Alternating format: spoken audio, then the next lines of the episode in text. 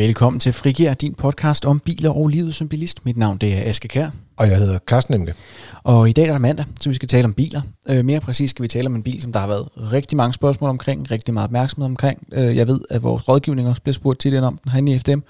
Vi har endelig haft mulighed for at køre den her Ford Kuga plug-in hybrid, øh, Yes. som der har været rigtig meget udtalt. Og Carsten, hvorfor er, den så, hvorfor er der så mange, der spørger om den? Hvorfor er den så fed? Jamen, det er simpelthen bare, fordi den er helt vildt billig. og sådan, at vi danskere, vi elsker bare det vildeste tilbud. Så lige nu, der er det bare sådan, at man kan få en bil til en pris, der starter omkring 270.000, og det er, altså, der er bare, det vil folk gerne have. Ja, men, men altså, hvad er, det, hvad er det, der er, jeg ved, ikke, man kan sige nyt med Ford Kuga, men hvad er det, der er med, med den her Ford Kuga? Altså, det er, selve bilen er en helt ny bilmodel, Mm. så, øh, så kan man sige, det, den er jo ny fra ende til anden, og du kan få den med en benzinmotor, og du kan få den med nogle dieselmotorer, varianter med automatgear og manuel gear og sådan noget, men de fleste, de går hen og kigger på det, der hedder plug-in hybrid udgaven, og det gør de simpelthen, fordi det er simpelthen, at den, på trods af, at det er den teknisk mest avancerede bil, Mm. så er det den billigste af dem alle sammen. Altså billigste motorvariant, det er simpelthen det mest teknisk avancerede. Og det er fordi, at den kører lidt længere på literen officielt, så får den stort fradrag, og så bliver den bare rigtig billig. Men øh, hvad, hvad er det for en størrelse bil? Altså, hvad er det for en, en, et segment, den ligger i? Jamen altså, fordi prisen den ligger på øh, fra ca. 270.000, så tænker mange, at det må være sådan noget i retning af en Renault Captur eller en Peugeot 2008 eller i den, i den stil. Men det er det ikke. Den er faktisk en klasse større, så den er oppe på størrelse med sådan noget Sk- Skoda Karoq, eller jeg ved ikke, Volkswagen Tiguan er næsten, ej, den er måske lige en tand større, men det, det er sådan i det leje, kan man sige, mm. at, den, at den rent faktisk ligger sig. Når jeg sætter mig på forsædet, jeg er 1 meter og 86, når jeg lige strækker rygsøjlen, så kan jeg sætte mig bag ved mig selv, og stadigvæk have sådan godt 5 cm benplads. Så det er rigtig fedt. Der er rigtig meget plads i den, og det vil sige, det er en bil, hvor det er, at man sagtens skal have, altså, øh, altså det er en virkelig stor familiebil, vil jeg sige. Og, øh, og det, er jo, det er jo en plug-in hybrid. Øh, det er også den, vi har, vi har testet den her omgang. Øhm, og den her plug-in hybrid, det er jo sådan en, der du kan sætte i en lader, øh, og så har den samtidig en, en mere gammeldags... Øh, ben, er det en benzin- eller dieselmotor? Det er en øh, 2,5 liters benzinmotor, Okay. øh, så, øh, og, og det er faktisk en teknikpakke, som Ford de ligesom har handlet af hos øh, Toyota, så selve teknikken kommer principielt derfra, men så har de selv øh, programmeret det, altså øh, styr, selve styringen af motoren og, og elmotor og, og gearkasse og sådan nogle ting, det styrer Ford selv. Så det Yes. kører ligesom på den måde, de godt kan lide det. Og hvor lang, øh, altså nu, det der er sjovt ved plug-in hybrider, det er jo modsat sådan almindelige hybridbiler og gammeldags hybridbiler, så kan de køre kun på strøm, mange af dem. Kan, kan Kugaen det, og i så fald, hvor længe og hvor langt? Svaret er ja og nej. Fedt. Øh, fordi at, øh, og, og, og det er faktisk noget, der overraskede os en lille smule, fordi vi havde en, en, øh, en fornemmelse af, at den kunne køre øh, kun på strøm, altså altid. Men øh, nu har vi haft bilen lidt længere tid, end vi normalt har til en, en forpremiere, øh, og også lavet noget testkørsel, som øh, vi Mm. vil bringe noget testrapport på senere.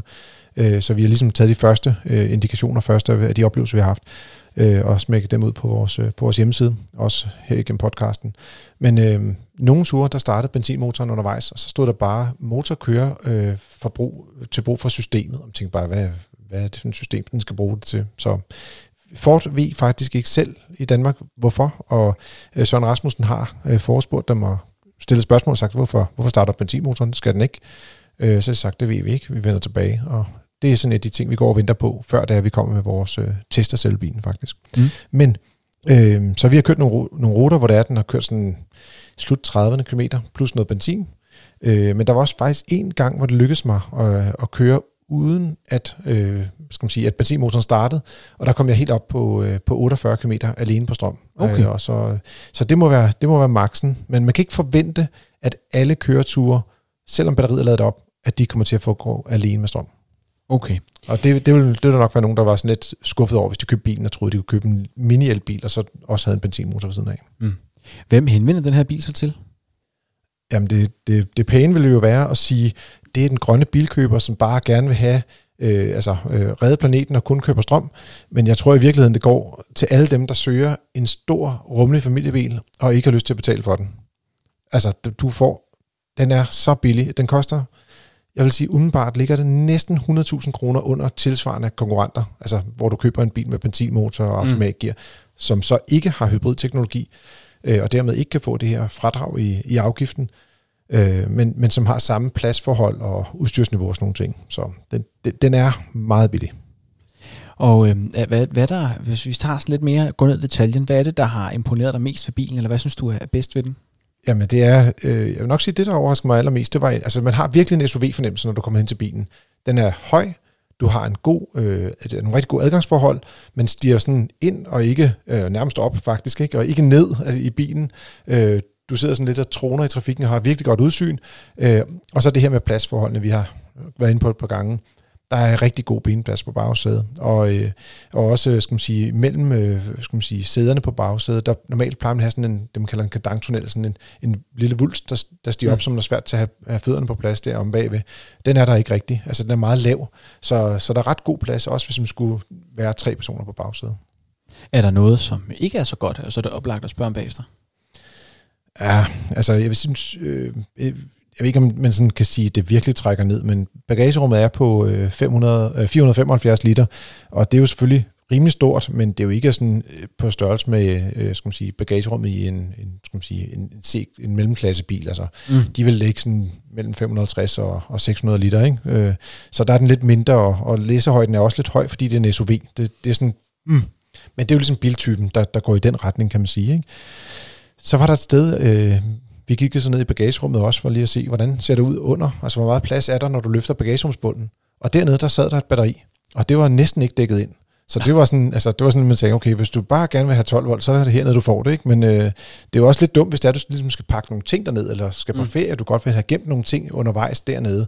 Øh, det, det, kunne godt være lidt pænere pakket af, og der kan man også se nogle andre steder, hvor bilen, altså det, det er en lidt, lidt en lille smule en amerikanerbil på den konto, at der er nogle steder, hvor der er et kvalitetsfornemmelse, måske ikke top top, men come on, prisen, ikke? 72 plus ja. udstyr. Så det, jeg synes virkelig, den er interessant. Det virker, det virker som en rød tråd i hele den her, at man siger, at den kan slippe afsted med meget, når den er de her 30% billigere end, end konkurrenterne. Ikke? Ja, lige præcis.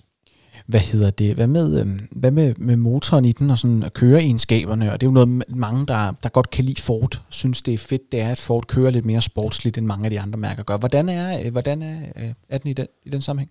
Der, der er den nok mere lidt ligesom deres amerikanske modeller er. Øh, sådan, øh, øh, måske ikke helt deres pickup trucks, øh, som er øh, ret hårde at køre med, men øh, den, den er meget slået an på det komfortable. Mm. Øh, lige den bil, vi havde, havde ret store fælge på, så desværre var den ikke sådan øh, alene komfortabel, den var også lidt ukomfortabel på nogle øh, skal man sige, vejstrækninger. Men øh, styretøjet, det er sådan lidt, øh, det er meget uforsk, hvis jeg skal sige på den måde. Uforsk. Det er uforsk, det er udfordrende at sige det. Øh, forstået på den måde, at normalt, når man har, altså, Forderne har traditionelt, hvis du tager en fokus, en virkelig køreglad bil. Mm.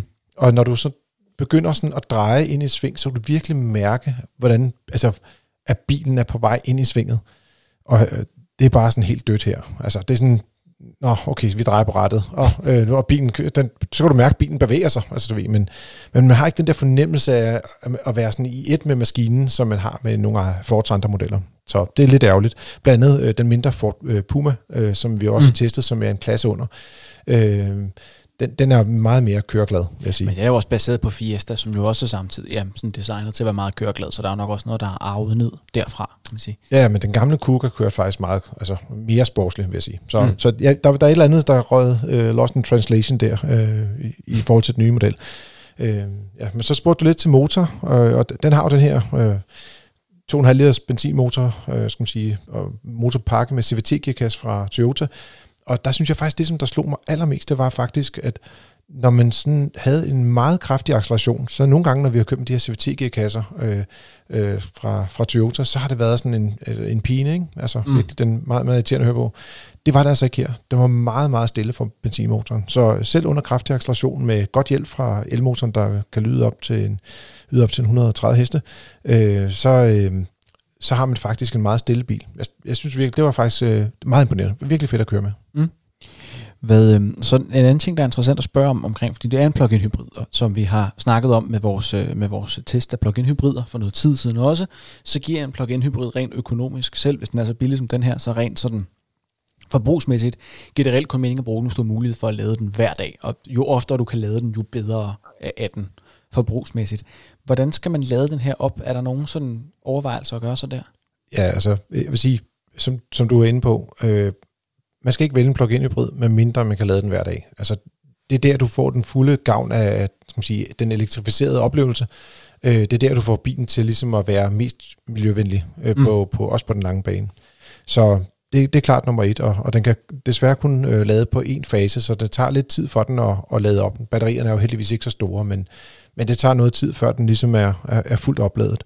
Øh, så jeg vil sige, det, det er nok den, den største øh, udfordring, der er med den. Øh, og det kan vi også se på nogle af de andre plug-in hybrider, det er, at de begynder at få lidt lange opladningstider, hvis ikke man har købt en rigtig ladeboks hjem til. Mm. Så det vil sige, at man skal have sådan en, en ladeboks, hvor du kan lade med, med mere end 3 kW øh, derhjemme på, på en fase, før det rigtig sådan giver super meget mening. Også fordi, at man kan ikke bruge de her nødlader, der følger med bilerne, fordi typisk er sikkerheden ikke i orden bagudrettet, og hvis du bruger dem til at oplade bilen, så tager det bare nærmest evigheder at lade et relativt lille batteri op. Ikke? Så ja. jeg vil sige, det, man skal nok, øh, hvis ikke man kører helt vildt meget øh, på, på strøm, så øh, er, er leasing af en ladeboks en rigtig god idé, og det er typisk bedre end at købe den. Mm. Øh, hvis man kører helt ekstremt meget, eller nærmest kun på strøm, så kan det godt betale sig at tage et abonnement. Man kan få sådan nogle særlige abonnementer til plug-in hybrider. Ja. Så men man skal køre ret mange kilometer på strøm, før det kan betale sig at tage abonnement. Øh. Okay. Og så er det jo noget af det interessante, det er jo også i forhold til udstyret på den. Øh, og hvad for, nogle, hvad for nogle varianter er der af den her øh, plug-in version af Kuga?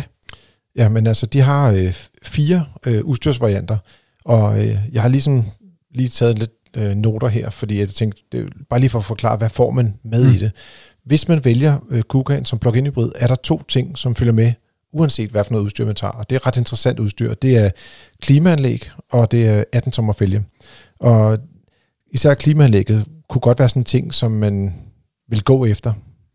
Hvad med, hvad med sikkerheden i, øh, i, i forskellige udstyrsvarianter? Hvordan ser den ud der? Jamen, den er den samme okay. som sådan. Altså, der er ikke en, det er samme udstyrspakke i forhold til sikkerhed i mm. uanset variant. Så det er ikke sådan, at man vælger mere eller mindre sikkerhedsudstyr. Men vi kommer lidt tilbage med nogle, nogle førerassistentpakker okay. øh, senere faktisk. Øhm, men vi har noget, en Trend-udgave, der ligesom er deres basis. Hos Ford, der hedder det Trend, Titanium, ST-Line, og så hedder det Vignale. Så basismodellen, den får faktisk allerede en øh, 8-tommer skærm, som vi kender med CarPlay, mm. og der er også navigation i. Øh, der er en almindelig farplot, og du har også trådløs opladning til mobiltelefonen, og så er der P-sensor for bag. Så jeg vil sige, allerede der, når du så også kombinerer med klimaanlæg og 18 tommer fælge, det ser egentlig ret fornuftigt ud. Det er ret ud. meget udstyr for en grundmodel af en bil, synes jeg. Altså, det, det, det er de 270.000, ikke? Ja. Sige, det, det, det vil der mange, der sige, okay, det kan de godt leve med. Så uh, titanium er der faktisk, jeg talte lige med en forhandler her, uh, før vi gik på, bare lige for at tjekke, hvordan ser verden ud derude. De har jo solgt en del biler jo. Uh, der er mange, der lige går op og tager titanium eller, eller ST-line, som er den næste variant igen. Ikke?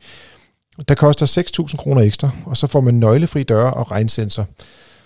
Og jeg elsker nøglefri døre, men jeg tror, der er mange, der kunne leve uden det. Men regnsensoren tror jeg, man vil blive ked af ikke at have. Det virker øh. mærkeligt ikke at have det en grundmodel, hvor der er alufælge og klimaanlæg i den. Altså ja, det er mærkeligt, at, den ikke, at, at når vi snakker regnsensor, så mener vi bare, at viskerbladene selv justerer efter, hvor meget det regner. Ikke? Præcis. Så kan ja. den mærke efter, om, om at der, der sidder en lille sensor på, så kører den lidt hurtigere og lidt langsommere, afhængig af ja. hvor meget vand, der ligesom pøser på øh, forruden. Ikke? Det virker sjovt, at der er fred med det. Men, øh, men det har lidt at gøre med, at plug-in hybrider netop har det her lidt højere udstyrsniveau end de andre udgaver. Så øh, sådan noget som klimaanlægget, det vil også være kommet med i en titaniumudgave, mm. hvis det var, det var en benzin- eller dieselvariant. Okay. Øh, så ST-Line, som var faktisk var den øh, variant, vi ligesom havde øh, mulighed for at køre i, øh, det er sådan en øh, sporty udgave. Den koster 10.000 mere, så er vi oppe på, på 286.000 øh, i basispris. Og der får man så sportsundervogn, og man får sådan et 12-tommers øh, digital instrumentbord. Og det ser faktisk lidt fedt ud, og løfter oplevelsen noget fra bare at sidde med almindelige hvad skal man sige, instrumenter i. Og så begynder resten af tingene at være sådan lidt mere sådan alopedaler, øh, mørkt øh, loftindtræk, nogle øh, sorte tagbøjler udvendigt, og nogle andre sådan bling-bling ting, som øh, får bilen til at se smartere ud. Men ja, jeg ved ikke, personligt synes jeg faktisk ikke, det er sådan, altså det digitale instrument, det, det er sådan noget, der, det, det vil sige, der får du noget for pengene.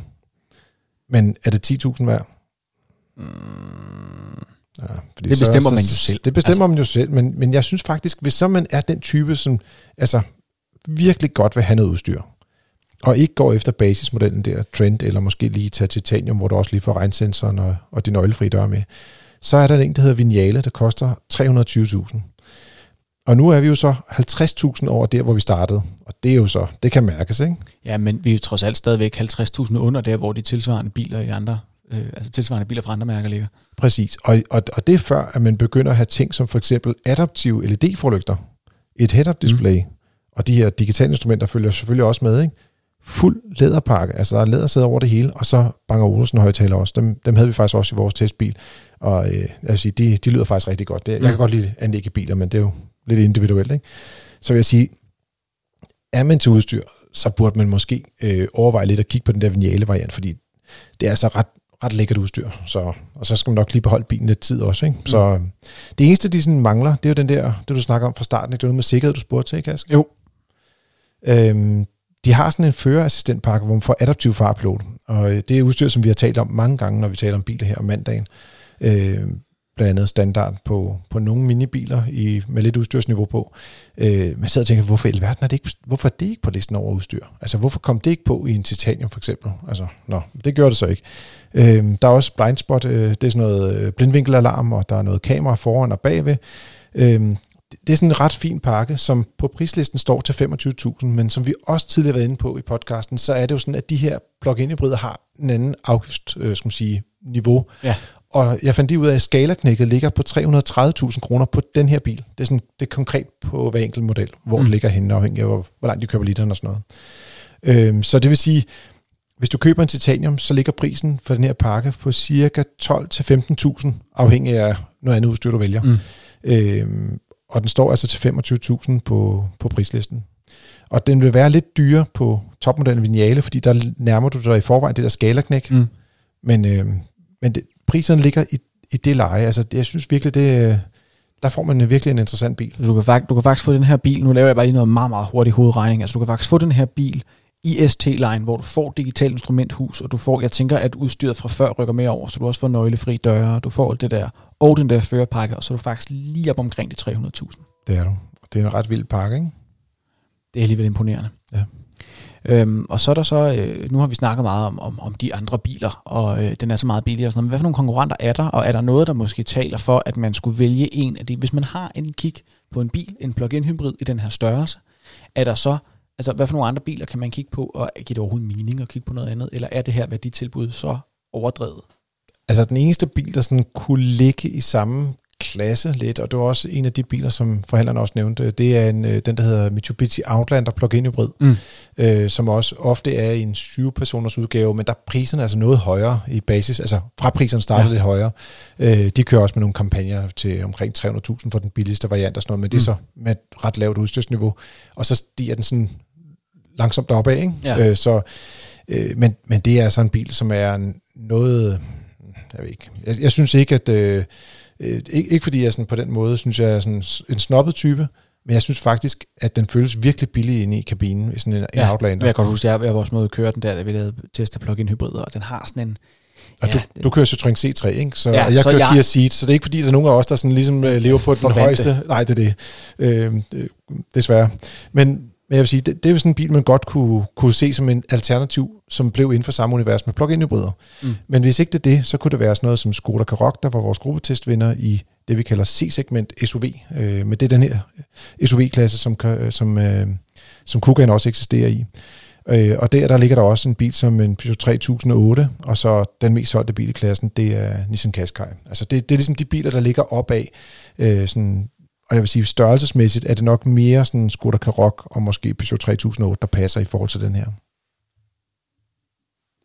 Jeg tænkte i forhold til, fordi at en ting, der, jeg tænkte, nu nævnte du bare lige øh, Mitsubishi Outlander, og det der er interessant, det er, at der er mange, der for eksempel vælger en plug-in hybrid som en mellemstation, fordi de gerne vil køre i en elbil, men de for eksempel har brug for at kunne trække en del. Og hvis du vil have en elbil, der kan trække meget, så skal du reelt op på noget, der koster på den anden side en million næsten. Ja. Øhm, ikke helt, jeg tror Tesla X ligger omkring 800.000, men cirka derover, i hvert fald noget dyrere end det her. Hvordan er det med trækkapaciteten på den? Altså er det, øh, er det samme, kan man også bruge den, hvis man egentlig gerne vil køre på strøm til daglig, men har brug for at trække noget tungt en gang imellem?